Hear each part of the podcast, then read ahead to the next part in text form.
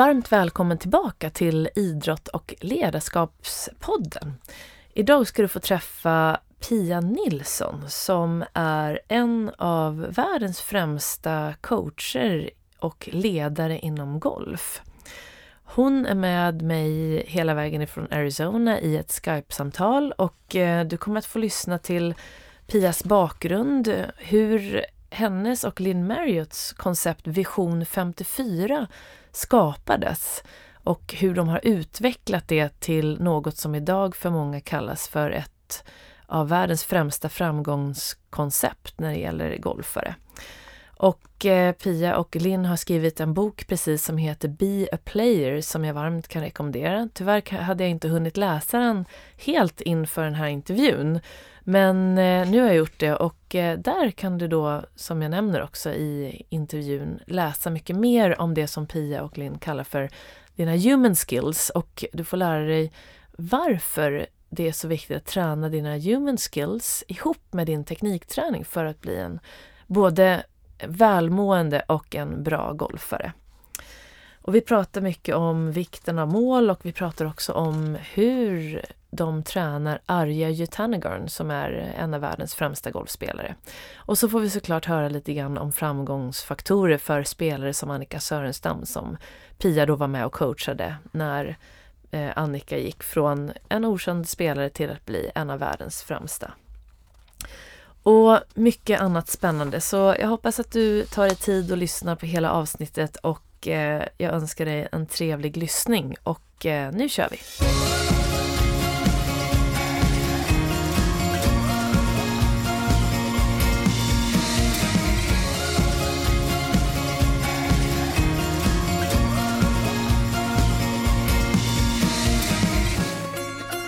Då är ni varmt välkomna tillbaka till Idrott och ledarskapspodden. Och idag är jag mycket, mycket glad att få presentera min nästa gäst för er, nämligen Pia Nilsson. Och eh, här kommer en introduktion utav Pia. Hon har haft en absolut extraordinär karriär som coach. Hon är en bästsäljande författare och hon är också medskapare av det som kallas Vision 54 tillsammans med Lynn Marriott. Och det här är då ett koncept som av många anses vara världsledande inom coaching för spelare och coacher. Och det här kommer vi då prata mer om i dagens avsnitt. Pia är just nu stationerad i Scottsdale, Arizona, USA på golfanläggningen Talking Stick Golf, Golf Club, där hon tillsammans med teamet då i Vision 54 hjälper både spelare och coacher på alla nivåer att uppnå sina mål. Och här tränar bland annat en av världens främsta golfare, Arja Jutanagarn. Och Pia sprakar med att hon har spelat collegegolf på Arizona State, hon har spelat på LPGA och på Europatouren och gick sen då över till sin roll som coach och är där mycket välkänd för sin roll som coach åt bland annat Annika Sörenstam på hennes väg till stjärnstatus. Och därefter har hon coachat många professionella spelare varav åtta majorvinnare till fler än hundra torsegrar. Men Pia jobbar då inte bara med proffs utan även med golfspelare på alla nivåer. Och hon har skrivit fler böcker där den kändaste i Sverige är Varje slag måste ha ett syfte och nu senast boken Be a player. Hon har fått jättemånga utmärkelser i sin roll som coach, ledare och tränare bland annat av Golf Digest som den eh, topp 50 bästa tränare, vilket var den högst rankade kvinnliga tränaren någonsin.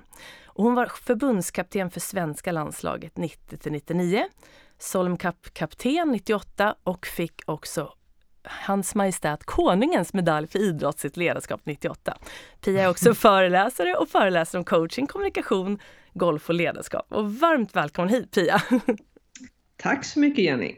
Och nu är det så att du är med mig från Arizona. Ja. Och vi kör det här.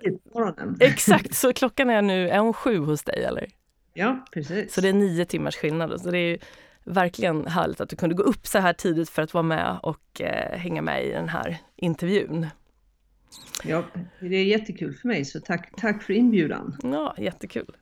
Så vi ska ju prata om en hel del olika saker, men lite om nuläget först. Så vad gör du just nu och hur kan en dag se ut i ditt liv?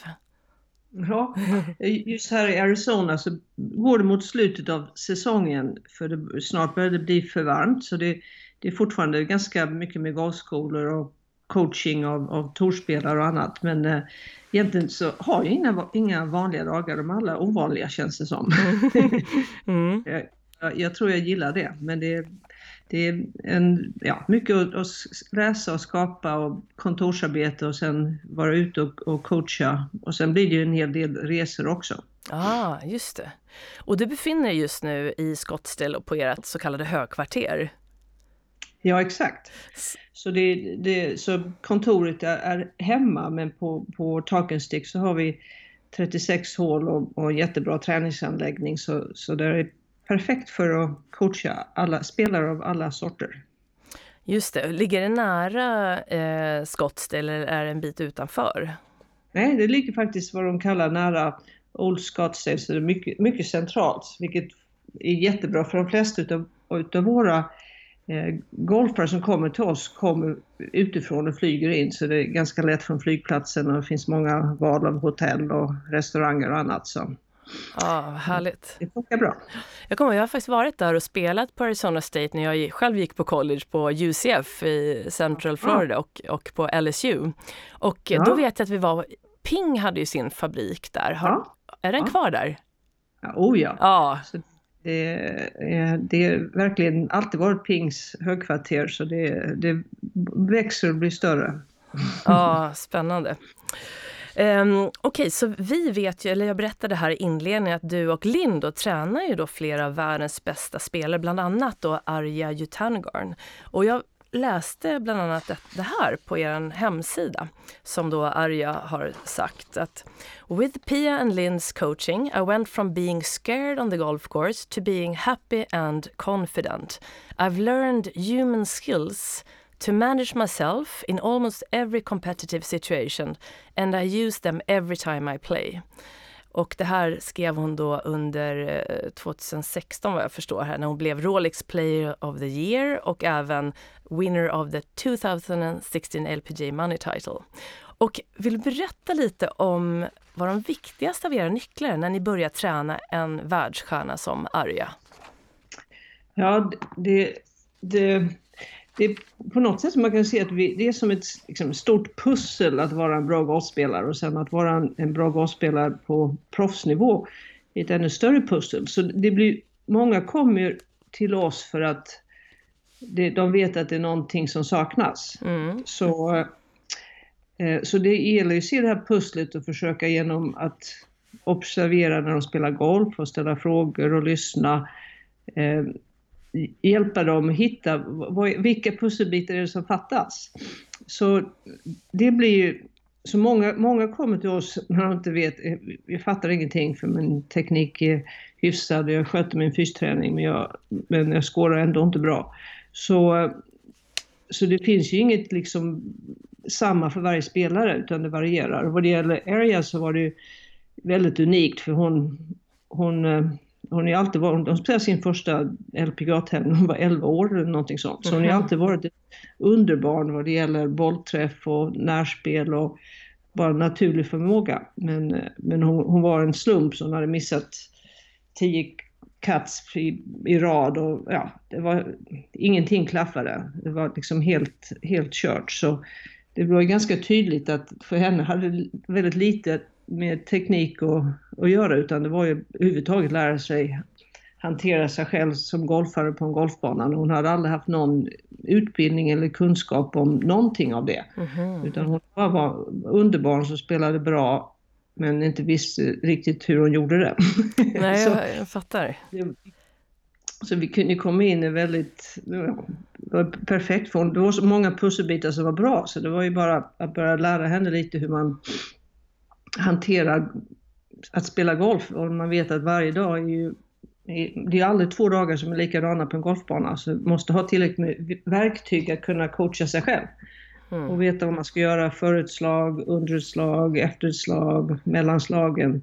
Så det blir säg, kortsiktiga, kortsiktigt hjälper henne med, men hon var ju intresserad av en långsiktig plan för att kunna bli riktigt, riktigt, riktigt bra. Så det mm. handlar ju mycket om, om pusslet och sen så att bygga tillit och eh, ja, mm, just det. köra därifrån. Just, hur gammal var hon när hon kom till er? Mm, 21 20 eller 21 år gammal. Just, och hur lång tid tog det innan hon, när var det som hon kom då? Ja, men det, det lustiga var att, eh, att det var så mycket som var bra. Så, så det var, när vi bara fick ett par pusselbitar på plats så hände jättemycket. Så hon, hon och hennes syster kom i början av mars.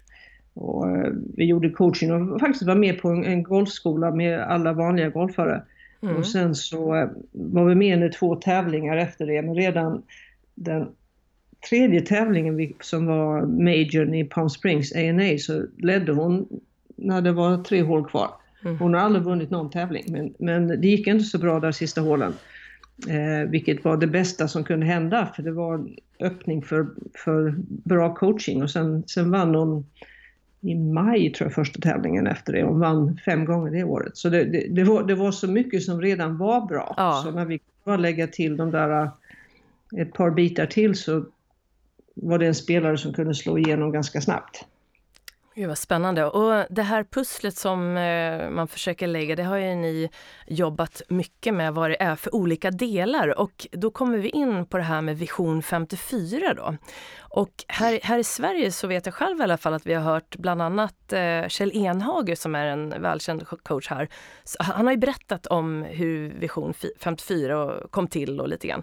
Men eh, det var ju du, du var ju med där och det var du som också skapade det tror jag. Så kan du berätta lite om vad det är och hur det här skapades, den här, det här konceptet? Ja, jag ser så jag började som förbundskapten i slutet av 89 och jag hade ju som bakgrund att jag gått på college i USA och spelat på touren. Så, och jag var också uppvuxen lite med hela den svenska modellen vi hade på den tiden som var otroligt bra. Att vi tränade som golfare, fysträning och fick mental träning och, och teknikträning och förde statistik och allt det. Men efter min erfarenhet i USA och sen så när jag råkade börja coacha så var ju var min frågeställning alltid liksom, vad, vad kan vi göra så nästa generation har en större chans än vad vi hade? Mm. Och jag, jag, jag, kände från början att det var så mycket som var bra med, med, den svenska modellen, men den var lite för kantig. Och alla gjorde nästan likadant. Samma tekniktränare, samma sätt att spela och det kändes, kändes inte rätt för mig. Så jag ville, ville bygga på vad som var bra med det, men göra den lite mer eh, individuell, anpassad och mer till vad jag känner man behöver som en, en professionell eller elitgolfspelare som kan bli bättre än vad vi var under den tiden.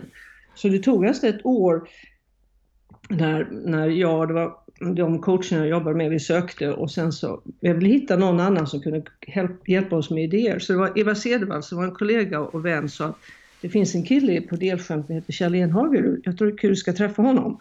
Så eh, vi åt lunch, det var tre timmar i Stockholm och det var helt rätt. Vi var samma ålder och mycket samma tankar. Och, eh, så vi sa vi, vi testar bara, vi gör träningsläger. Så det var, jag kommer ihåg, det var i februari 91. Vi hade vinterträningsläger och jag just pratade med Kjell om att de här spelarna har så mycket talang men de tror inte att de kan bli bra för att grinerna är inte lika bra i i Sverige som i Spanien och amerikanerna är, är så långt före och det var många olika ursäkter. Så 54 kom från att vi måste, vi måste ändra deras inställning. Och de flesta hade gjort birdies på varje hål på sin hemmabana.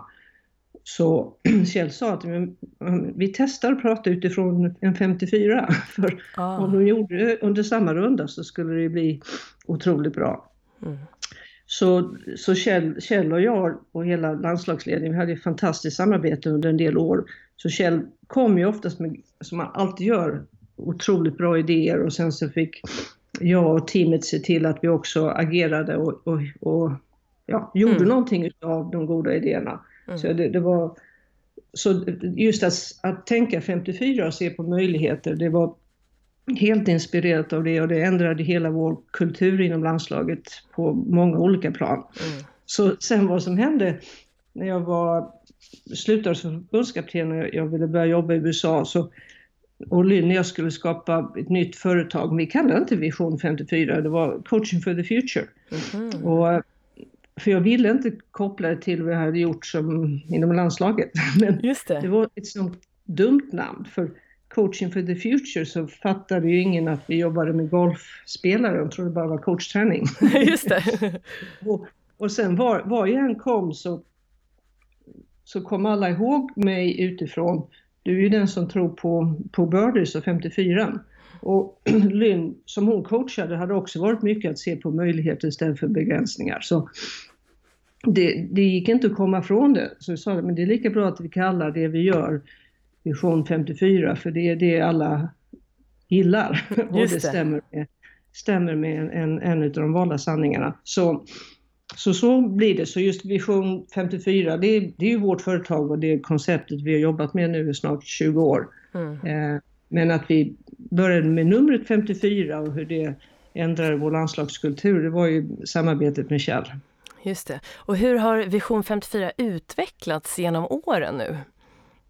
Ja, det, det, just den frågan är så svår för mig för jag tror ja, det är ständigt under utveckling. Just det. jag, känner, jag känner, vi gillar alltid att alltid, ja, läsa och gå på kurser och utveckla. Så grundtesen att golf spelas på en golfbana och, det, och vi måste ha, hitta tillräckligt bred kompetens för att kunna spela och tro på möjligheter. Må, många av grunderna, även när jag var förbundskapten, vad jag trodde på då, det har inte ändrats. Men sen är det så mycket mer kunskap och erfarenhet eh, som har byggts på och fortsätter byggas på. Där, därför många kan komma till vår golfskola och säga men det är ju inte likadant som förra året. det. det. ska inte vara detsamma för jag hoppas under ett års tid att vi lärt oss mycket, mycket nytt, att vi kan förklara saker annorlunda eller ge bättre exempel eller ha bättre övningar. Så det, det är en ständig utveckling alltid. Ja, jag förstår. Och eh, jag läste ju att er formel för prestation eller performance är technical skills plus human skills equals performance. Hur skulle du beskriva det? Ja, det, det är oftast, jag jobbar alltid med, hur kan vi göra det liksom så enkelt och mer chunked up, om man får säga på ja. lite svenska. Så varje, alla som spelar golf på golfbanan säger att det är två grunder som påverkar hur bra vi spelar. Det är självklart tekniken, hur långt du kan slå och vilka bollbanor och vilka slag du har runt grinen och allt det. Men sen, och vi säger faktiskt inte ens nu, vi har ändrat det också, det är inte plus utan det är gånger. Mm. Gånger är human skills. Och human skills menar med det att det är alltid en människa som spelar golf. Så det är alltid människans tillstånd och vi som, på, som det tillsammans med tekniken bestämmer hur väl du spelar. Och vi, vi bör kalla det human skills för många tror att det bara är mentalt men det, det är inte sant för oss. Utan som människa har man en, en, kropp och vi har hjärna och vi har känslor så det är både som vi säger physical, mental and emotional. Så det, om du inte kan eh, om du inte har liksom vet hur du ska göra det i golf så ser du många som har en bra sving på ranchen men de kan ändå inte spela. Mm. Då är det oftast att de inte vet hur de fattar beslut eller hur de kan ha rätt spänningsnivå i, i kroppen eller ja, allt som är under human skills för mm. golfare.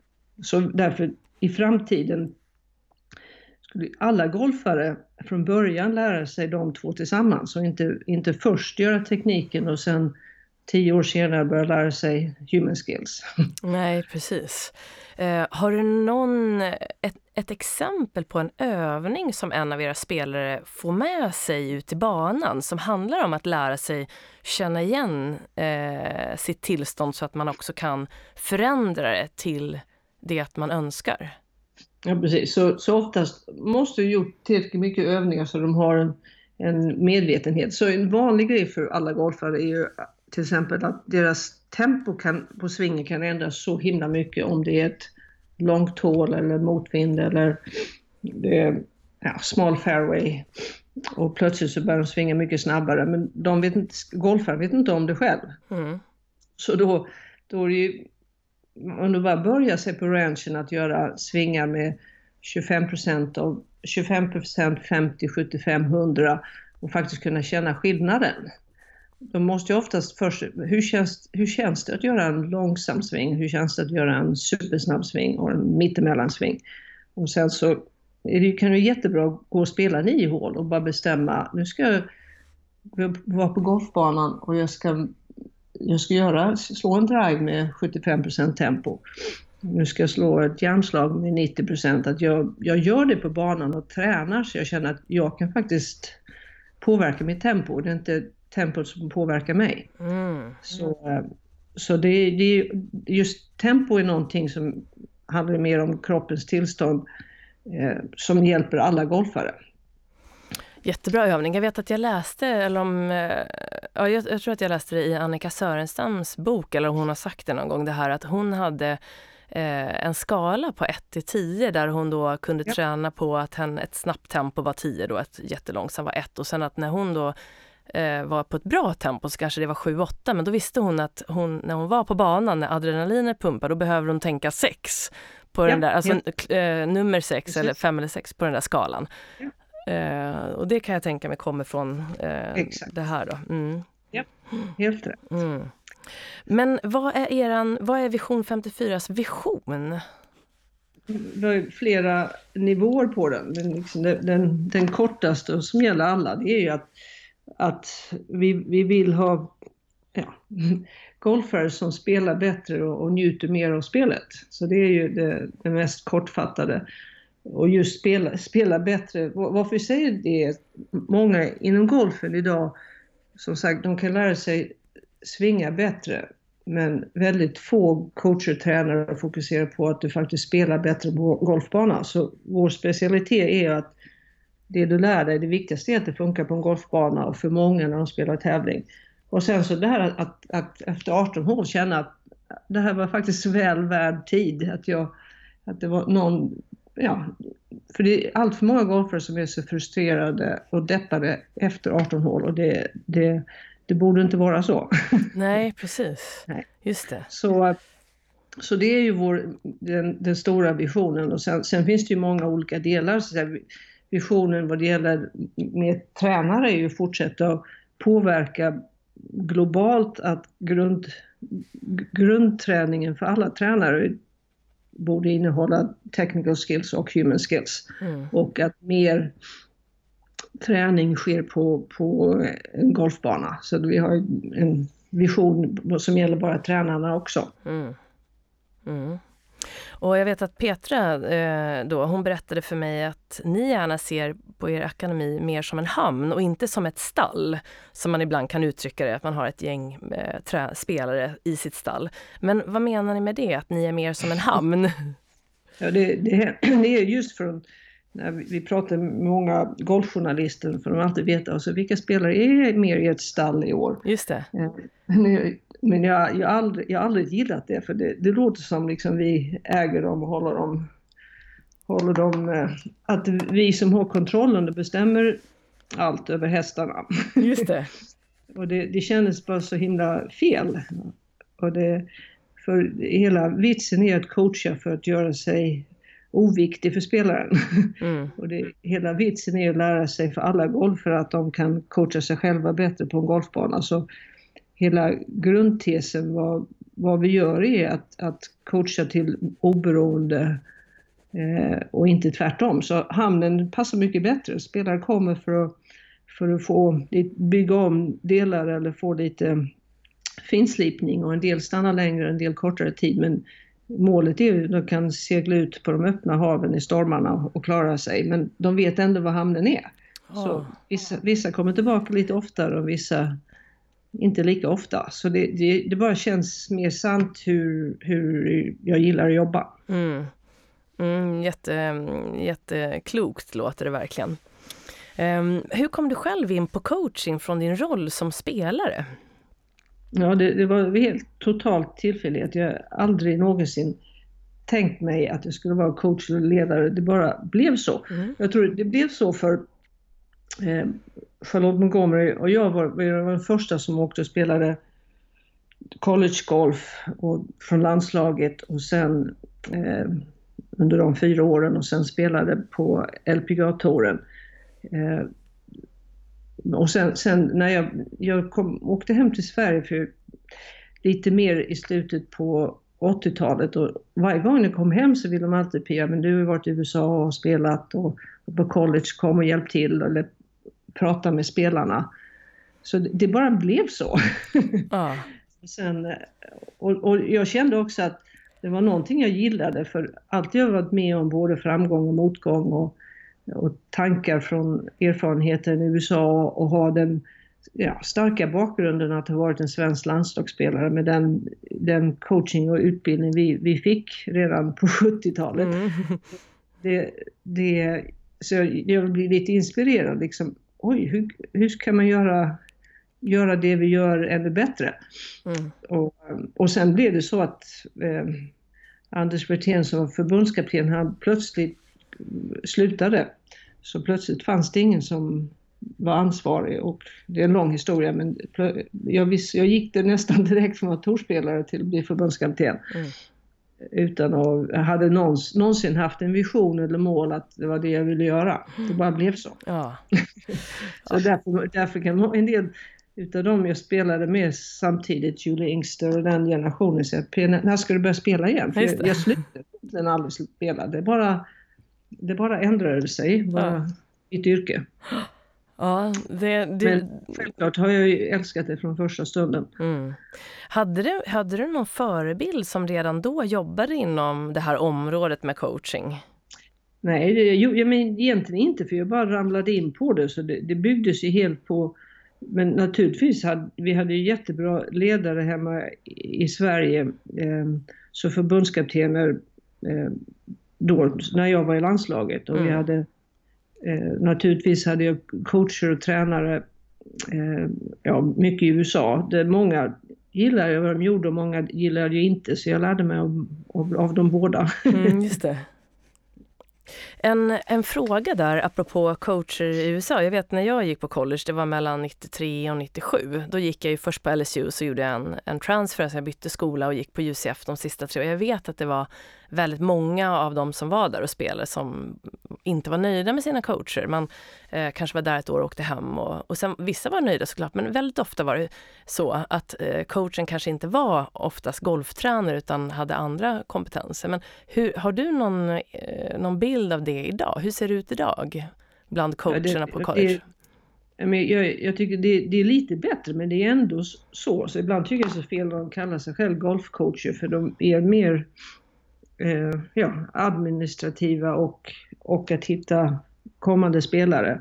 Mm. Och många är lite rädda för att coacha för spelarna idag kommer ju in med, oftast med team av tränare eh, som de har hemifrån. Så många coacher vet inte riktigt vad de ska göra för de, ja, de mm. har inte alltid en coachroll. Men det är många fler känner jag som är utbildade. Men därför tycker jag det är så viktigt, för att gå på college i USA kan vara så otroligt bra, men inte gå in med förväntan att golfcoachen ska vara min golftränare, utan jag hitt, man hittar de personerna på annat sätt. Just det, det är en jätteviktig eh, information tror jag, för det är ju fortfarande väldigt många svenskor som har möjlighet att åka dit och som mm. också gör det. Så det är ju jättebra tips där tycker jag. Mm. Precis. Men vi, vi har många coacher som kommer till våra coachträningar och det, det tycker vi är kul. Så det är ju ändå många fler som har större och större intresse av att utbilda sig att också bli bra golftränare. Just det, det är ju en jättefantastiskt. Tänk om fler av de coacherna kunde komma till er och ha det, ha det som en grundutbildning innan de får bli golfcoacher på college. ja. Eh, apropå det här då att ni, för att gå tillbaka lite till eh, att ni jobbar med flera världsstjärnor då som jag nämnde och som du berättade om. Eh, hur skiljer sig de som är framgångsrika idag kontra de som var på ditt... När du var landslagstränare så var ju Annika Sörenstam bland annat en av dina elever, eller en av dina spelare. Och Lotta Neumann för den delen. Är det samma faktorer för framgång som gäller idag? Så det blir, det blir både och, för det är fortfarande... Spelet golfen är fortfarande en människa, så det har inte ändrats. Men jag tror min egen erfarenhet har, har påverkats så mycket av att under lång tid så coachade jag bara svenska spelare. Och sen gick jag från det till coacha spelare från USA, Asien, ja, Sydamerika, alla delar av världen. Vilket helt för mig öppnade ögonen och det var otroligt ny och inspirerande att, att lära sig om olika kulturer. Så, så självklart känner jag att, att jag utvecklades så mycket bara genom att få, få förmånen att lära känna så många kulturer och, och, hjälp, och coacha dem i golfen med det. Men, men jag känner, om du säger vad, vad som är idag lite annorlunda är att, att eh, det är nästan ännu mer eh, yttre press idag än vad det var förut. Bara för att vi har all social media och, och det är ännu mer fokus bara på, på som påminner spelarna om ranking och, och de yttre framgångarna. Så de behöver nästan ännu mer hjälp med att få balansen med det inre och yttre än vad, vad som behövde för 20 år sedan. Just. Det var viktigt då och det är ännu mer viktigt nu. Mm. Och, och, spel, och spelare också behöver mycket mer träning att lära sig att, att fokusera för de, ja, i, och med all tekniken och internet och allting så är många, ja, de är sämre på att hålla uppmärksamhet. Just det. så vi, du kan inte bli en bra spelare om du inte kan det. Så det blir vissa delar av träningen som jag tror är viktigare idag än vad det var förut. Mm. Och vad var... Ja, samtidigt är en sak det är nästan automatiskt att de sköt, har hyfsat bra fysträning. Men 20 år sedan var det liksom nytt att göra det inom golfen. Så, det, så de sakerna ändrar sig också. Mm. Och eh, apropå Annikas eh, framgångsfaktorer, jag vet att du har nämnt det eh, vid några tillfällen, men vad, vad, är din uppfattning om vad hennes styrka var? Vad var det som gjorde att hon blev världens bästa? Ja, det är naturligtvis många bitar, men jag säger det ofta, jag sa det till henne bara för, förra året tror jag. Men en sak med Annika var om, om någonting, om jag tog upp någonting med henne eller som, som hon kände, ja men det, och jag hade, jag hade liksom, jag hade observerat henne så jag hade fakta och jag kunde tälla, eller berätta för henne rent vetenskapligt varför någonting var viktigt. Om, om hon om hon fick bra feedback hur hon agerade på banan och hon förstod varför det här är bra, då var det aldrig då tog det aldrig liksom en månad innan hon lärde sig. Utan om någonting sa that makes sense, sa hon. Mm. Då, då, bara kunde hon ändra sig till nästa dag. Mm. Mm. så hon hade otrolig förmåga att, att liksom inte försöka göra någonting utan, nej men det, det låter helt rätt, jag ska göra det. Och så bara boom, så gjorde hon det. Medan en annan spelare ett år senare försöker fortfarande agera annorlunda efter slag. Men eh, Annika har otrolig förmåga att om, om det bara verkade vettigt för henne så gjorde hon det. Mm. Men Annikas kommentar var när jag sa det för ett år sedan, så varför, varför gör inte alla det på det viset. Just det, hon tycker det är så enkelt. Liksom. Varför, ja, exakt, vad, är, vad är problemet? Liksom? Exakt, Aha, jag förstår. Om det, tempo är viktigt för golfen, varför vill jag inte bli bra på det nu? Varför ska jag liksom vänta? Just det. Ja. så, så, så, hon, så på ett sätt får hon intellektuellt väldigt smart Annika, men hon, hon, gjorde golfen liksom enkelt och det var bara, hon agerade. Mm. Det var hela tiden, vad kan jag påverka? Och jag ska bli bra på det och jag gör det nu och så kör hon. Mm. och aldrig några, inga ursäkter. Nej. Och, och öppen för feedback. Mm. Om, om, om, om det var jag eller vem det nu var som skulle ge feedbacken så måste man ha, veta vad man pratar om. Men om, om, om hon kände att hon fick bra svar då var det, kunde hon ta det och ändra, ändra på sina vanor på en gång. Mm. Och apropå den här rollen som coach då igen. Um, du har ju skrivit en bok också som heter Bli din bästa coach, en bok om ledarskap, livsmål och utveckling. Och vad, vad är det viktigaste budskapet i den boken? jag hör skratter, för det är 20 år sedan jag läste den boken. ja, just det. Jag tror jag får läsa om den. Men men det, det, var ju mycket en, en, en sammanfattning om, om för 20 år sedan vad jag och coachteamen hade lärt oss och hur, hur vi jobbade inom eh, landslaget. Det handlar ju mycket om det, men, men det, temat var ändå samma på den tiden att du måste ju lära sig att coacha dig själv, annars kan det inte funka i, i golfen och inte i livet heller. Eh, så mm. det, det handlar ju ändå mycket om det. Precis, och det var, det, det var just det jag, just att bli din bästa coach, att det handlar om att i, till syvende och sist när man är där ute på golfbanan så är man ju, det är ju en individuell sport där du är själv. Då är det ju så otroligt viktigt att ha den där möjligheten eller den där kunskapen om hur man gör för att vara sin egen bästa coach. Det var därför jag gillade den titeln så väl, mm. för att den är så viktig att förstå. Att det är lätt, lätt att komma som spelare och säga att man vill ha hjälp liksom från en tränare som ska lösa allting ibland. Men ja. eh, till sist så är det ju då det där att du behöver ju själv ta ansvar för att också för att det ska fungera när det väl gäller. Ja. Men, men hur blir man då en bra coach åt sig själv? ja, men det, det kommer ju tillbaka till det vi sa om tempot. Man, man måste ju först bli lite mer medveten om sig själv. vad, som, vad, som, vad som händer och kunna, kunna göra det. Men det startar ju först med att ha sin egen vision och, och vara tydlig med ens egna värderingar och valda sanningar. Så det, det bör, måste ju börja med att jag, jag sätter upp min, min egen kompass för vad, vad jag vill med, med golfen eller andra områden i livet.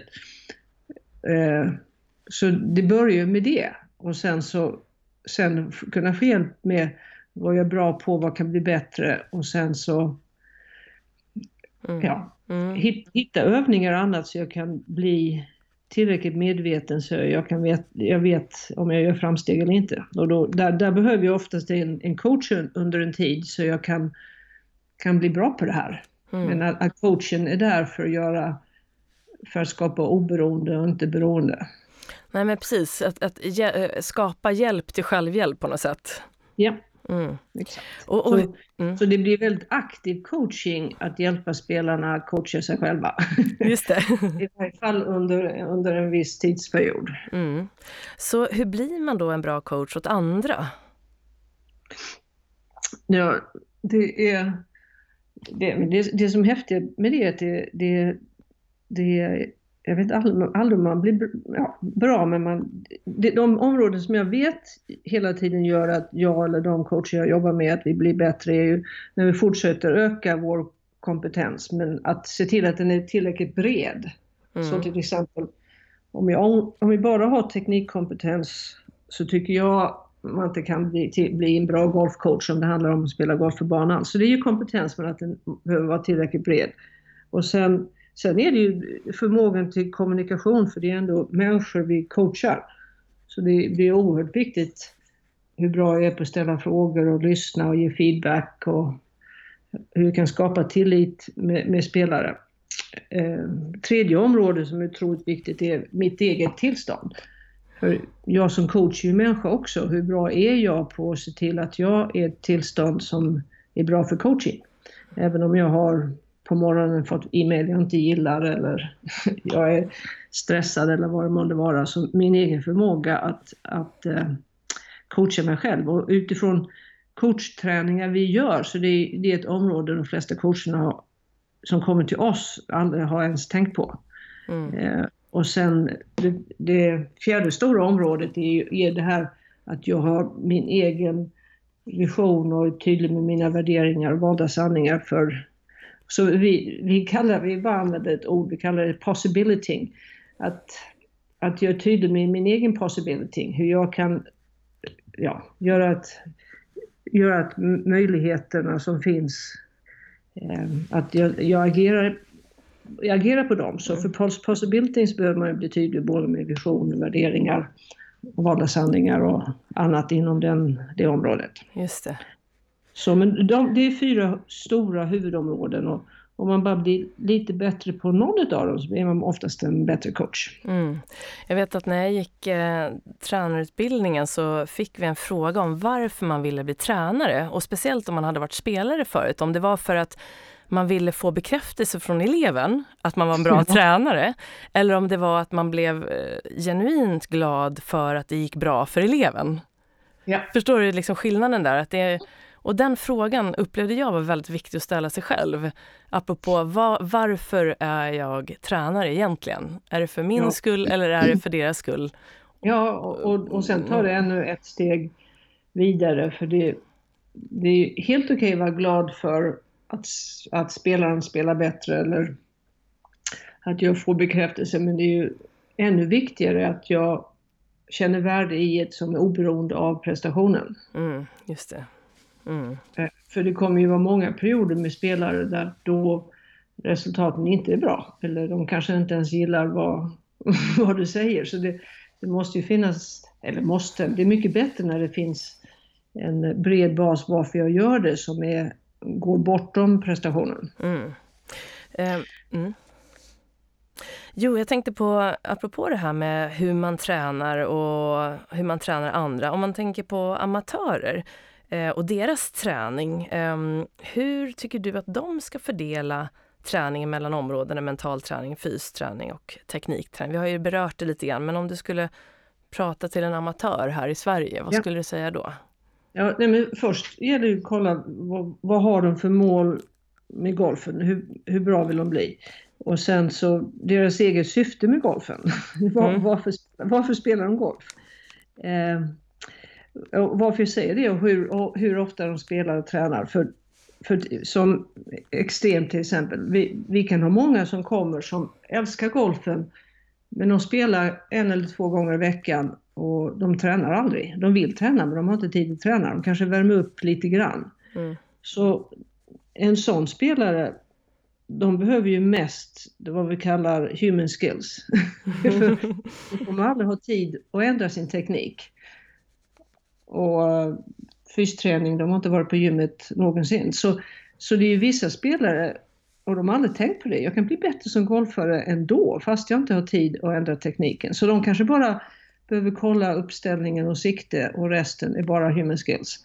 Men sen om det är någon som, som har mål att de vill bli, skåra bättre och eh, de, de ägnar tid åt att gå på gymmet eller de kan göra det fysträning hemma och de har tid för teknikträning. Då, då är det bara viktigast att alla de tre bitarna blir i balans. Men procenten beror ju på vad de redan är bra på. Just det. För vissa behöver mycket mer teknikträning för de har ingen aning om hur man chippar eller pitchar.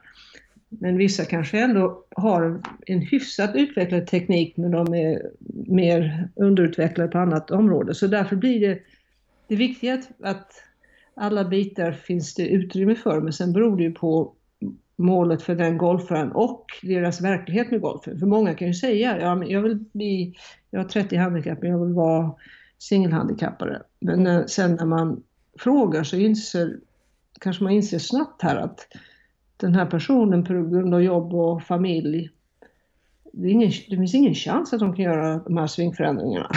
Nej, precis. Just det. Och då måste man ju på ett bra sätt kunna framföra det, vad som är smartaste planen utifrån hur de tränar och spelar i nuläget. Mm, just det. Så att få en egen bild, det är inte så lätt att man har en klar bild över det där själv. Och att, att, få lite guidning där och då behövs det kanske inte så mycket för att det ska bli jättestora förbättringar. Nej. vi höll ett föredrag för ett par år sedan med en av de mest kända tekniktränarna i USA. Men han sa efteråt, alltså, jag har aldrig hela mitt liv frågat en elev varför de spelar golf. han sa, jag inser nog att jag bara tagit för givet att de gör det av de skälen jag tycker de ska göra det. Eh, det. Så det, det, var himla häftigt för han sa från den dagen frågar jag alltid och inte tar för givet att de har samma inställning som jag själv har. Nej, visst. Att sådana enkla men ändå så stora saker kan vara så... Eh, de är så obefintliga ibland i... Eh, jag tänker på tränarrollen här i Sverige och även i andra ställen. Att det är lätt att man bara fastnar i tekniken eh, för att det har varit så. Och så helt plötsligt öppnar man kanske blicken för det här området och då kan man se väldiga förändringar. Mm. Ja, och det, det viktiga är därför, många kan ju först tro att, att jag inte tycker tekniken är viktig. Jag fick, faktiskt, fick, fick en fråga från eh, en svensk journalist om det förra sommaren och jag liksom, va? det är ju självklart du tycker det är viktigt. Det, det bara det, det, bara räcker inte. Vi behöver, för att spela golf så behöver du självklart teknik men det är också en människa som spelar golf. Så, mm. eh, så det, det, är det som är det viktiga och många, som du säger, har, har endast fått teknikdelen, vilket är okej okay, men det är inte tillräckligt. Nej precis, och det har ju varit så mycket kring tekniken under så länge och det är därför det kanske är okej okay att man kanske har lite mer fokus också på att det här är en viktig, lika viktig del och ibland ännu, ännu viktigare eftersom det handlar om mer om livet också. Ja. Mm. Och men apropå det här då, och eh, så hör man ju ofta om idrottare som helt plötsligt vinner och allt lossnar. Och för ett par veckor sedan så såg vi ju Pernilla Lindberg i A&A ja. Inspiration som bara ja, vinner sin första major, årets första major och förra året och tidigare Anna Nordqvist. Och så har vi alla de här unga tjejerna i flicklandslaget där alla sex kvalade till Solen Cup Junior Cup och ja. har gjort jätteframgångar. Eh, och det här har ju också amatörer ibland upplevt såklart, att det lossnar. Men vad är nyckeln till framgång och det som gör att det helt plötsligt lossnar? Vad är det den där sista liksom, nyckeln som gör att det släpper. Du nämnde ju lite det med, ah, förlåt jag bara tänkte på, du sa det där med att Arjas viktigaste, det var ett otroligt viktig lärdom där att hon inte klarade att hålla de, de sista tre hålen för att ja. sen kunna vinna så att säga. Ja precis. Men Exakt. Och vad, för henne var, vad som hände att hon hade varit helt omedveten om att när hon visste att hon hade chansen att vinna så blev hon plötsligt mycket spändare i axlarna och plötsligt började hon ta längre tid på sig att, att fatta ett beslut. Och tempot ändrade sig men hon hade liksom aldrig ens tänkt på att sådana saker händer. Oh.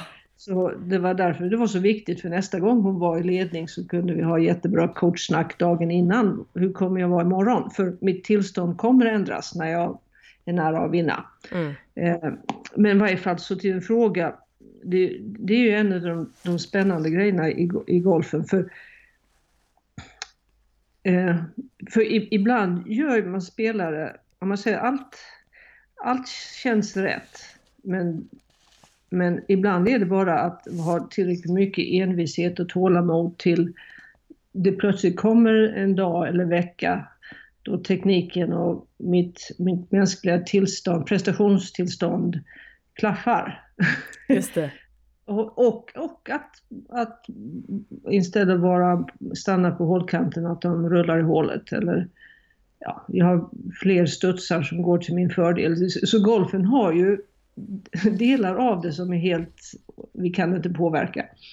Så som golfare vet jag att jag, jag kan göra vissa dagar allting helt jättebra men jag ändå har kanske en hyfsad skål men inte tillräckligt låg skål. Eh, och, så det, det gäller ju att, att vara jättetydlig för varje spelare med vad, vad, är det jag gör när jag spelar som bäst? Och vi, vi kallar det bara att ha mitt recept för My 54, mitt, mitt unika recept, vad jag gör och vem, hur jag är när jag spelar som bäst. Så ju mer spelare tränar mot det, och det gäller ju både tekniken och mentalt, fysiskt, emotionellt, allting, hur jag värmer upp, allting, vad, vad jag gör när jag spelar som bäst. Eh, men sen just när det lossnar, det, det, det, kommer ju lossna snabbare när jag blir bra på vad jag just sa. Mm, mm. Men mycket golfen handlar ju om att, att göra allt, både tekniskt och human skills, som är bäst för mig. Och just det här att varje dag är ju olika. Mm. Vi kommer alla ha två dagar på en golfbana då det känns likadant. Så det är ju den här förmågan att inte förvänta sig att det ska kännas som igår utan vara nyfiken liksom, hur är jag idag? Hur, hur behöver jag coacha mig själv idag? Så det, vi kallar det på engelska bara master of variability. Eh, men så det gäller ju att komma dit och sen ha tålamod. För många gånger vet jag inte om det är den här eller nästa vecka eller om, om en månad att det verkligen kommer lossna. Mm, just det. Och mm. Vad är den största anledningen som du ser till att det inte lossnar?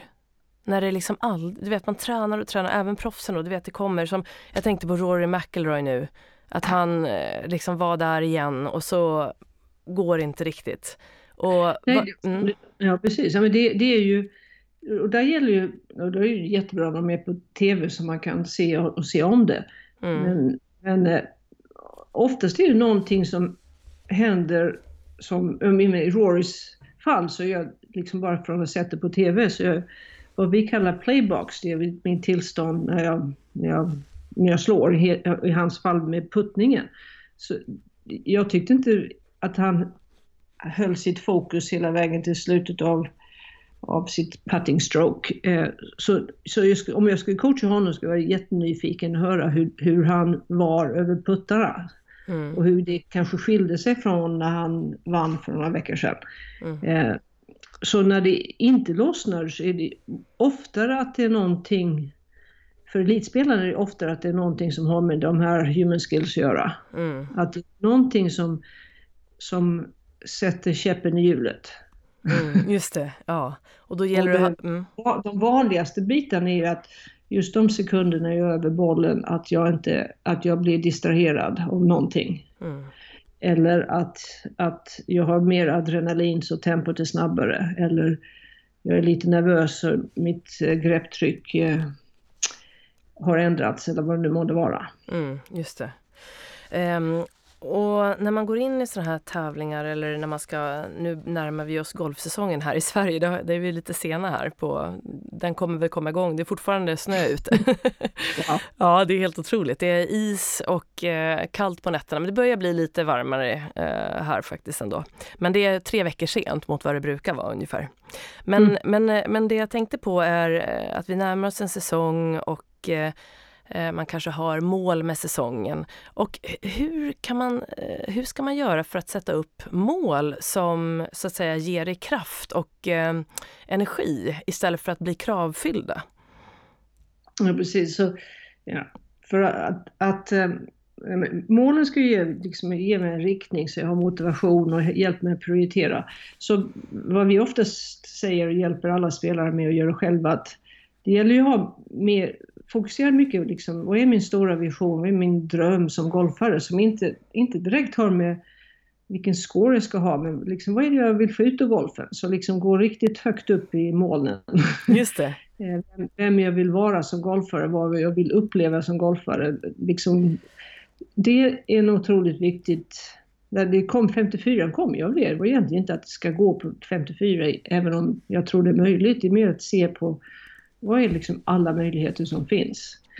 Och sen så, vissa blir motiverade av att, att sätta, jag vill bli, eh, ha 15 i handikapp eller jag vill vinna klubbmästerskapet eller vad det nu måste vara. Mm. Och sen eh, tredje nivån är mer att, att under, ja, på, mål som jag kan påverka. Att jag ska träna tempo två gånger i veckan eller jag ska gå och få lektion av Jenny en gång i veckan. Mm. Och jag och vad det nu. Så det, det är helt grejer som jag faktiskt 100% kan påverka. Jag vet om jag gör dem så har jag större chans att uppnå mina resultatmål. Så från alla golfare som jag någonsin varit med eh, funkar jättebra med det, har visionen, drömmen och sen så de målen jag faktiskt kan påverka. Men om jag känner att sätta resultatmålen gör att jag bara får press och det gör mig inte alltid motiverad då behöver jag inte sätta dem så mycket. Nej, precis. Så, så, där, jag, jag, mm. så jag tycker det är otroligt viktigt, man säger alla vad vi kallar det real golfers eh, ute runt om i världen, är att, att ha större fokus på visionen, drömmen och sen så mål som du kan påverka. Mm, just det. Och, och då kommer vi in lite på det här. Jag vet att jag läste ett häfte då när jag var eh, lite yngre som hette Må toppen och nå toppen. Och jag, visst var det från landslaget som ni hade ja. En, en, ja. Och där är det ju då frågan just det här att nå toppen så måste man må toppen och då kommer vi in på det här med human skills. Eh, så, så vad, vad skulle du säga, hur kan man vad ska man börja med om man tänker nu golfsäsongen igen som närmar sig? Eh, finns det någonting som man kan eh, börja träna på som har med human skills att göra, som du tycker verkar vanligt och som kan ge ganska snabba resultat? Ja, för att Nej, må bra. Det, mm. det, vi, ja, både för, det gäller det här med att nå toppen och eh, må toppen, för det, det börjar med erfarenheten från trolivet, att det är många som blir riktigt bra men de är otroligt olyckliga som människor. Mm. och, och det, så det, det, det, är något som är konstigt med det. Finns ju naturligtvis många olika idrotter eller för, kända företagsledare och annat, att, att det blir så mycket resultat och så mycket press på att prestera att, att många ja, trivs inte med sitt liv. Nej. Så det handlar ju väldigt mycket om, därför är det så viktigt att att ha den här visionen, drömmen om vad är det, vad är, var, varför spelar jag golf? Vad, vad, är det som är viktigt med golfen bortom eh, poängbogey och handikapp? Eh, och, och, har jag bara det inom mig så det kanske är att, ja, men, att vara ute i naturen eller få motion eller vara med mina vänner eller att utmana mig själv. Då kan jag ju alltid hitta någonting så jag kan vara nöjd med resultatet eller inte nöjd med resultatet men jag kan alltid känna att det var väl värd tid för jag fick vara med mina vänner eller var, få motion eller vad det nu månde vara som är viktigt med golfen. Så det gäller ju, det är ju likadant för torspelarna att självklart coachar vi dem för att de vill bli bäst i världen. Mm. Men vi vet att de har, det är inte lika stör, stor chans att nå sina resultat om de, om de inte trivs med vad de gör. Mm, just det.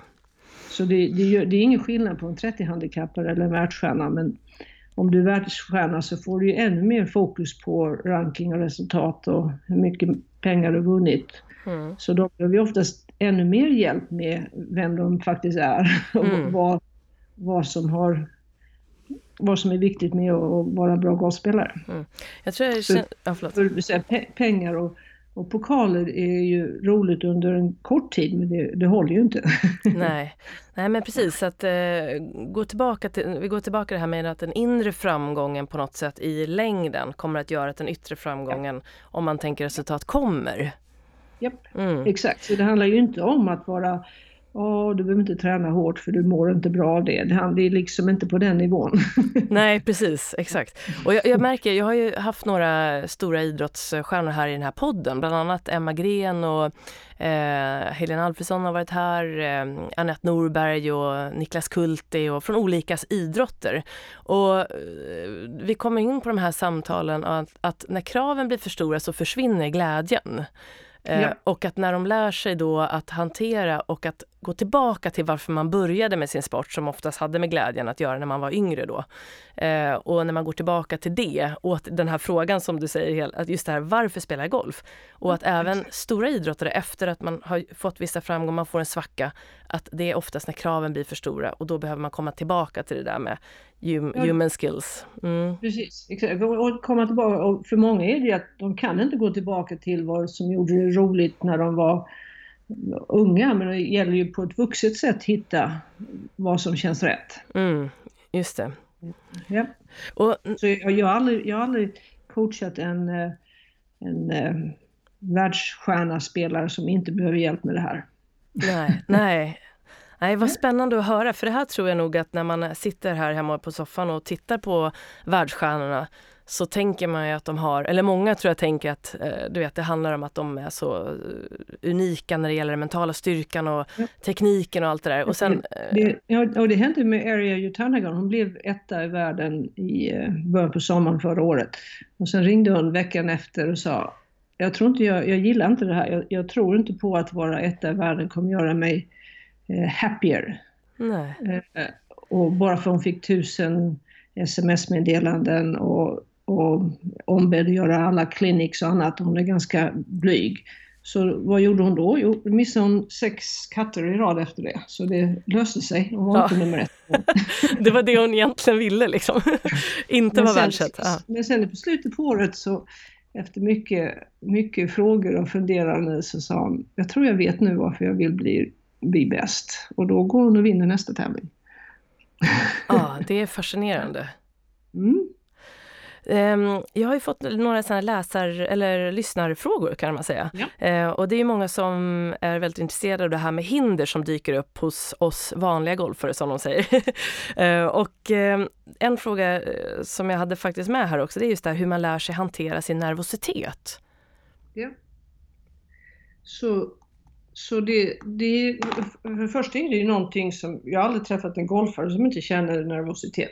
Så det, så den, det viktigaste är alltså först inse att det är normalt human, human behavior att man blir nervös. Det kan vara för att ett hål eller vem jag är lottad med eller vad det nu måste vara.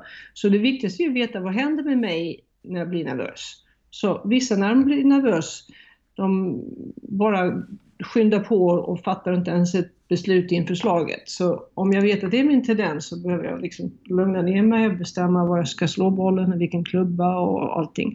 En del när de blir nervösa, ja, det vi pratade om förut, tempot blir så himla snabbt. Så om, om det är så eh, så, så är det ju att ha tränat, hur kan jag känna som Annika där, från 1 till 10, hur kan jag känna ett tempo 6? Mm, just det.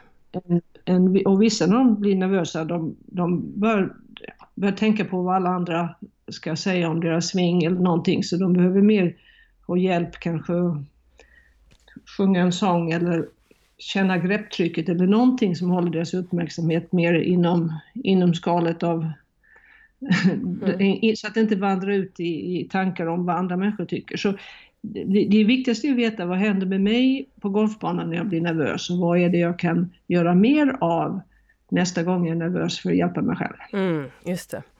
Och, och sen självklart mm. på lång sikt kan jag göra mycket för att ändra ja, min, min, min eh, ja, inställningen och vilka ja, vad, vad, jag, vad jag tror på om tävlandet och liksom ändra grundtillstånd vad, vad, det, vad det handlar om. Mm. Men kortsiktigt behöver vi alla det här verktyget. Mm, just det, precis. Och det, det verkar ju, det, det är ju så roligt för att det är ofta sådana här quick fix som, ja, som läs, lyssnarna vill ha.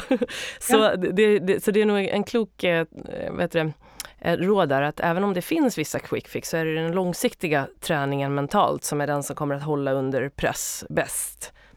Ja, kan man säga så? Mm. Och, och kroppsligt och känslomässigt. Ja, just det. Alla delar. Ja, vi kan inte separera dem, de, de hänger ihop de ja, tre. Just det, just det, precis. Ehm, och en, en annan här, om man ändå då så att säga tappar det i spel. Du har liksom, ja. det går hur bra som helst och sen så kommer du då till det här hålet som du också har tränat på. Det är ett vattenhinder, du har slagit i vattnet flera gånger men du vet, du har tränat på att du ska träffa green. Och så kommer du dit och så kommer det där. Eh, har du någon övning som du brukar ge någon av dina spelare? men just långsiktigt är det just vad vi kallar memory box, hur man reagerar på slag. Så man måste ju först ja, förstå att jag har lagrat minnen av, av det här slaget. Så liksom, jag, ska, jag vet innan jag kommer till det om det är tolfte hålet. När jag kommer hit vet jag att jag kommer känna mig lite mer skakig eller osäker. Så det, det finns ju fler saker att göra där. En kan vara att jag ska, jag ska eh, välja en annan klubba. Så även om det är ett hål en slå driver, jag ska slå en, en, eh, en spoon istället. Mm. Eller, eller ändra bollbanan. Du måste, om du känner dig osäker så gäller vilket annat beslut kan jag fatta som jag känner mig mer säker på. Så du kan ändra bollbana, ändra klubba och, eller ändra fokus som du har under svingen. För vet jag att jag kommer på ett hål där jag känner mig helt superskraj och jag vet att jag oftast blir spänd i kroppen så kanske jag kan känna mer som kokt spaghetti i armarna. Mm.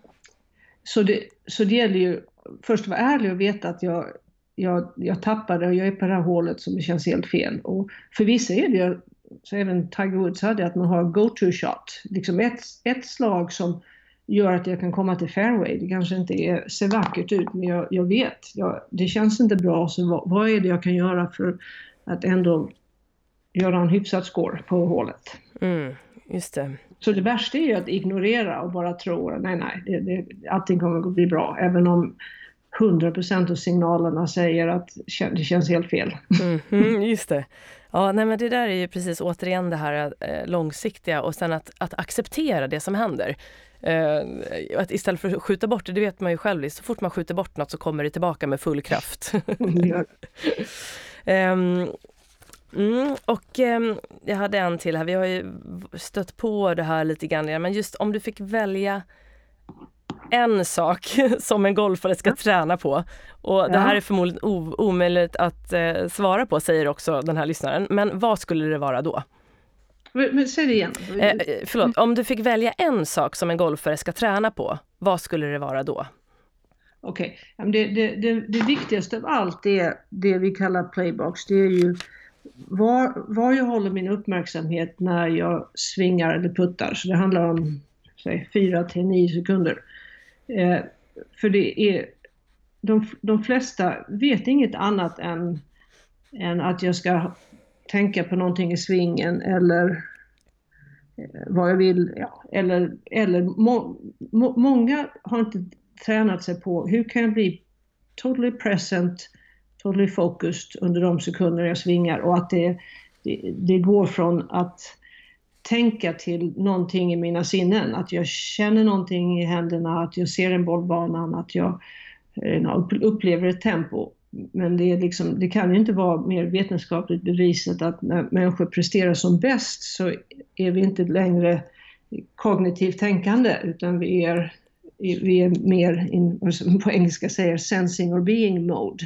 Mm. Och det är den mest, det första stället vi börjar på för utan det kan du inte bli så bra som, som du, du kan bli. Du kommer alltid, alltid underprestera om du inte är bra på den, den delen. Mm, Och alla, alla andra, allt annat vi gör, före slag, efter slag, mellan slagen, stöttar att vara bra i vad vi kallar the playbox.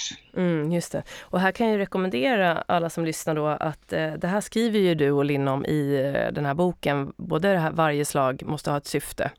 Och, ja. Eh, och i den nya boken Be a player, är det med där? Jag har tyvärr inte fått den här boken i tid så jag har inte hunnit läsa den. Men... Jo, den, den kom, och det kommer nog vara med i alla böcker vi någonsin mm. skriver. För det, ja. det är ju the moment of truth i, i golf, så självklart. Ja. Och vad, vad, som är speciellt med den nya boken Be a player är att eh, alla övningar där är så du kan göra det på, på golfbanan. Eh, för det, det är just många som glömmer bort att självklart kan jag vara på golfbanan för att match, spela match mot, med, mot mina vänner eller spela tävling eller poängbogey. Men vi behöver ha oftare spela tre hål, sex hål, nio hål där jag gör övningar för att bli bättre som golfare. Så det, det handlar ju den här boken om. All, alla övningar som du gör på golfbanan. Ja, jättebra, jättenyttigt. Ja, den kan verkligen... Finns den på svenska eller?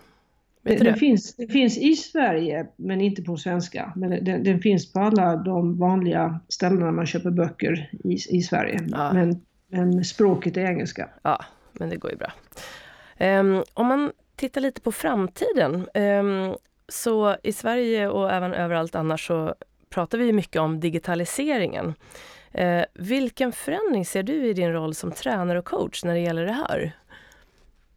Ja, det, jag, jag, tycker det är otroligt häftigt både med digitaliseringen och all, all, all utrustning vi kan ha idag. För det ger ju mycket mer möjligheter, vi kan bli mycket mer exakt. Men, men digitalisering är ju så otroligt mycket mer vi kan sprida och nå varandra runt om i världen.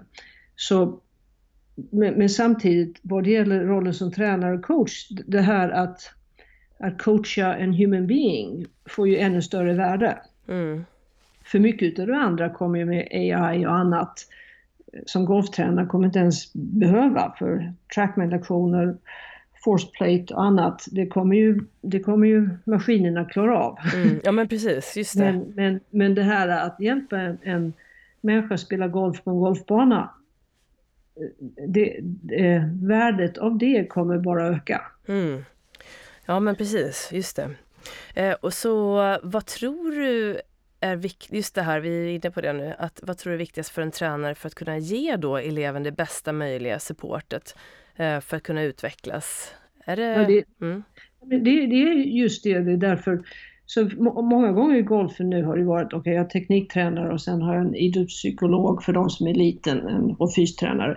Men vad, vad, vad vi tror är otroligt viktigt att, att som golftränare så behöver vi ha bredare kompetens att det innehåller tekniken och den här human skills. Mm. Så, så egentligen, så, och, det, och det, möjligheterna att, och de som vill satsa på det snabbare nu kommer ju nå, nå golfarna och sen att vi, vi också gör mer av träningen på golfbanan och inte på en driving range eller putting green. Mm, ja, precis, så det där hoppas jag kommer bli mer möjligt här i Sverige också. Här ju, är ju våra golfbanor tyvärr lite otillgängliga ibland för eh, just att ha lektioner och spela med sina elever på banan eftersom det har varit så fullt. Eh. vi, vi har ju haft många år av det också. Mm. Så det, det har varit viktigt att vi lär oss göra det utan att det, och vi håller speltempo på banan. Men mm. också blir oftast att hitta ett par hål tidigt på morgonen på sista nio där, där det är möjligt, eller Mm. senare på eftermiddagen. Så det gäller ju att hitta, det behöver, även om det bara är ett par hål, Mm. så är det så mycket man kan göra. Så det är återigen bara att hitta, okej, vi vet att det är svårt, men vilka möjligheter finns där att börja med? Just det, och det, jag tänkte på det, det är ju väldigt, man behöver ju inte då, om man har en spellektion, man kan ju faktiskt som tränare säga så här att ja, men, eh, klockan eh, sju på morgonen här Ja, så ses vi på första hålet och då kan man ju vara mång- ganska många. Eh, för att Exakt. om man nu bara har en lektion så behöver det inte vara att man är max fyra utan det kan vara att man är väldigt många. Precis. Så den Japp. typen av spelträning, det har jag faktiskt eh, märkt dyker upp lite grann. Så jag hoppas att den blir, det tror jag många av alla golfare verkligen Mm. saknar. Och, Ja, exakt så. Så, Mm. och en sak som, som vi börjat göra i år, och det är digitaliseringen är, bra, men, men, men många av de övningarna vi vet nu under alla år funkar bra. Vi, vi har satt ihop dem i, i pdfs på vår webbsida och Mm. vår mål är för visst alla tränare eller golfare som vill göra det här så ska det vara enkelt att få tillgång till det. Så det är bara att ladda ner dem och, och kopiera till dina elever. Ja men jättebra. Och, och er hemsida är då eh, vision54.com, ja, det eller hur? stämmer. Ja, Ja. Jätte, jättebra. Ehm, och ehm, vad har du själv för framtidsplaner? Ja, vad, jo, jag, men så att jag kommer, ja, det, det utvecklas hela tiden men jag, jag, jag älskar att coacha, jag älskar att, att tänka och klura och läsa och lära och komma på bättre sätt att göra det vi gör. Så det ändras ju inte. Jag, jag fortsätter på den resan. Mm. Och, eh, och ha ett eget för, företag så kan helt bestämma själv hur, hur mycket man vill jobba och, och när. Men, Mm. men, men det här att fortsätta att bli bättre som coach, eh, både för elitspelare och den vanliga golfaren och sen klu, klura på idéer och sätta ihop eh, Mm. ja, träningsplaner och annat. Det, det, det kommer jag fortsätta med, med länge. Och, och samtidigt fortsätta utveckla mig själv. För så att, vad jag alltid gillat mest med coachingen är att det är så kul att hjälpa andra och sen så att jag själv utvecklas medan jag gör det. Så det, det tänker jag fortsätta med. Mm.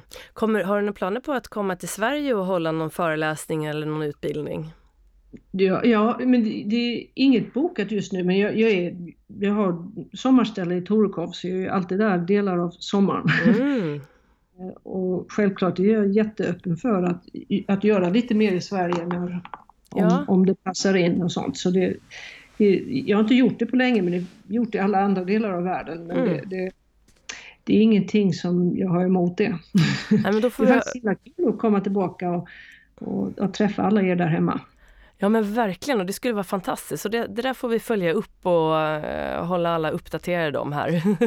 om, det, Mm. om du kommer hit, för det tror jag skulle vara jättefantastiskt. Annars är det ju då att man kan komma till eh, Scottsdale, Scottsdale när som helst Scottsdale, i precis. Arizona, eller hur? Mm. Ja, vi precis. Och sen från vår webbsida så gör vi det på, i andra delar av USA eller andra delar av världen också. Och, och sen samtidigt som just de digitala möjligheterna genom online eller ladda ner Mm. pdf-filer och alltihopa, det, det kommer satsa ännu mycket mer på kommande åren. För många kan inte komma till oss, men det finns ingen anledning att vi inte vi skapar mer möjligheter så du kan lära dig, lära dig mycket var du än är i världen. Ja, det måste jag verkligen säga, det är fantastiskt att se hur generösa ni är med er kunskap som tränare. Att ni verkligen har en inställning om att ni vill dela med er av all er kunskap eh, till alla. Eh, och och det kan jag, vill jag verkligen ge en eloge till, för det betyder jättemycket för både spelare och eh, tränare. Ja, och det är vi, vi, vi har klurat på det mycket men det är det som har känts rätt för oss att, och att inte eh, göra, ja, många andra hittar andra modeller men för oss känns det rätt och vi kommer fortsätta på den vägen. Mm. Mm. Och jag brukar fråga en fråga här också, att om du fick välja tre saker som du skulle säga till en ung eller äldre för den delen, tjej eller kille, som just nu sitter och drömmer om att satsa på sin idrott, eh, bli proffs, en stor ledare eller bara som vill eh, byta jobb och nå den där drömmen som de har eh, funderat på men inte vågar ta steget riktigt. Eh, vad skulle du säga då? Eh, men en sak är bara hitta någon liten grej som du kan agera på varje dag. För jag känner, många kan ju ha det och så är det så svårt att komma igång eller man, man inte hinner med, men hitta någonting som bara kanske tar en minut, men hitta någonting som jag har en sån stor dröm, att någonting jag känner varje dag har jag tagit ett litet steg framåt. Även om det bara är en minut. Mm. Så det gäller att, att ha de mycket mer små bitar och, och känna stolthet varje dag att okej, okay, jag gjorde någonting idag mot vad det målet nu måste vara. Och, men, och andra är som vi pratat om nu, att, att, att inse att all framgång behöver vara en balans av, av de yttre faktorerna och inre faktorerna. Och bara för att vi inte kan se de inre betyder inte att de är oviktiga. Så, det, så att från början inse att, att jag alltid agerar på både det yttre och det inre. Mm. Det skulle otroligt viktigt. Mm, just det. Mm. Jaha, mm. mm. men eh, vi börjar närma oss slutet här och nu eh, har vi då eh, informerat alla lyssnare om att vill man veta mer om dig eller om eh, er verksamhet så finns ni på www.vision54.com. Eh, ehm, och jag lägger upp det här också då samtidigt som den här, det här avsnittet kommer att komma ut och det kommer komma ut då eh, i, inom några veckor. Ehm, och och ehm, vill du lägga till någonting här nu innan vi avslutar? Nej, men är jättekul Jenny att, att prata, prata med dig om, om det här och bara att ja, mitt mål är att alla hittar någonting som känner sig lite nyfiken på att det vill jag agera och testa för, för min golf den kommande säsongen. Då är jag glad. Mm. Ja, och, och det känns som att vi har fått med väldigt många tips ifrån dig. Mycket klok kunskap och inspiration så det har du bidragit med fantastiskt. Så jag är otroligt tacksam för att du tog dig tid att vara med här idag.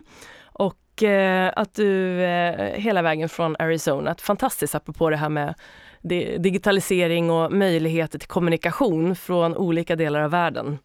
Ja. Mm. Eh, stort lycka till Pia och eh, ja. jag hoppas verkligen att vi får chans att ses kanske här i sommar när, om du är här i Torekov.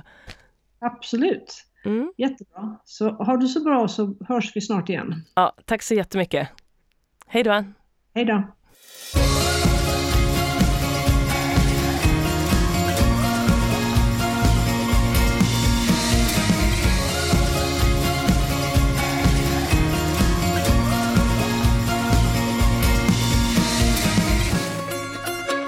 Då har du fått lyssna till eh, mitt spännande samtal med Pia Nilsson och jag hoppas att du har fått med dig en massa nyttiga tips och råd om hur du själv kan träna för att bli en både bättre och välmående golfare.